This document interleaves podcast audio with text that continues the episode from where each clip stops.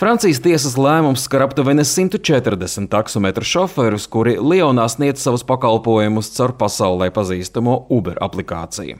Tiesa lika atzīt šos šoferus par Uber platformas darbiniekiem, nevis pašnodarbinātajiem, un izmaksāt viņiem 20 miljonu eiro kompensāciju. Šoferu advokāts saka, ka Francijā tik liels sots tiek piespriests ļoti reti.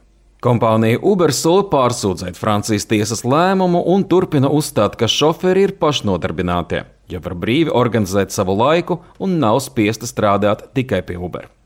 Tomēr diskusijas par platformu darbinieku tiesību aizsardzību kļūst arvien aktuālākas.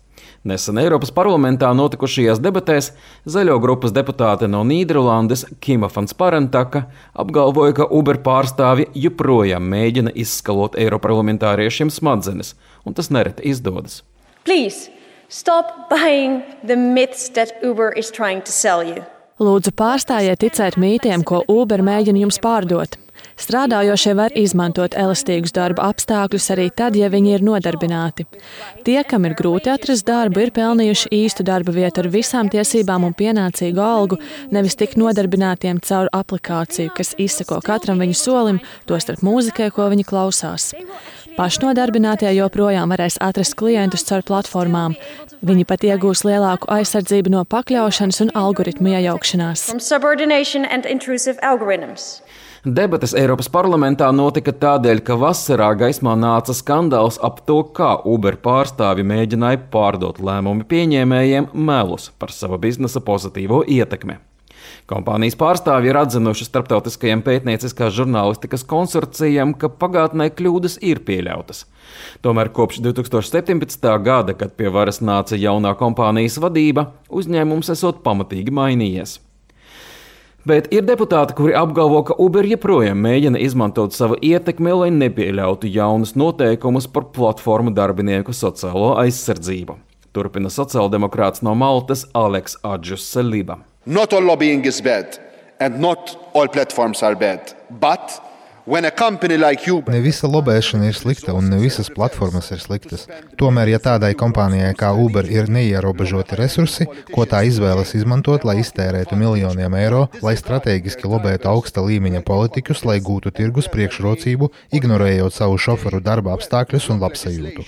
Vai arī tad, kad viņi strādā, lai bloķētu likumus, kas nodrošinātu minimālu aizsardzību viņu darbiniekiem, kā arī pienācīgu samaksu un veselības apdrošināšanu, tad notiek kaut kas nepareizs nepareizs un nedemokrātisks. Eiropas parlamenta nodarbinātības un sociālo lietu komitejā decembrī tika panākta vienošanās par platformu darbinieku direktīvu. Tomēr dalībvalstu vidū joprojām valda domstarpības. Dāņu izcelsmes eiroparlamentāriete Kārina Melchiora no grupas Renew Europe uzskata, ka nevajadzētu pārspīlēt. Ir svarīgi neizliet ūdeni no vannas ar visu bērnu. Uber ir tikai viena no platformām, un platformas nav vienādas. Mums ir jārada likumi visa veida un izmēra platformām. Digitālās platformas rada būtiskas inovācijas gan nodarbinātības, gan uzņēmējdarbības jomā.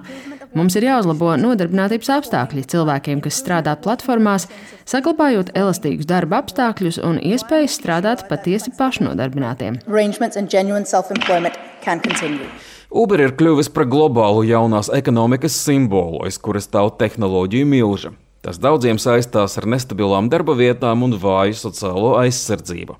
Tomēr ir skaidrs, ka platformas nes patērētājiem arī priekšrocības. Tādēļ tuvākajos gados jautājums par līdzsvara atrašanu starp uzņēmēju un nodarbināto interesēm kļūst arvien asāks. Arčuns Kanahals Latvijas Rādio Briselē.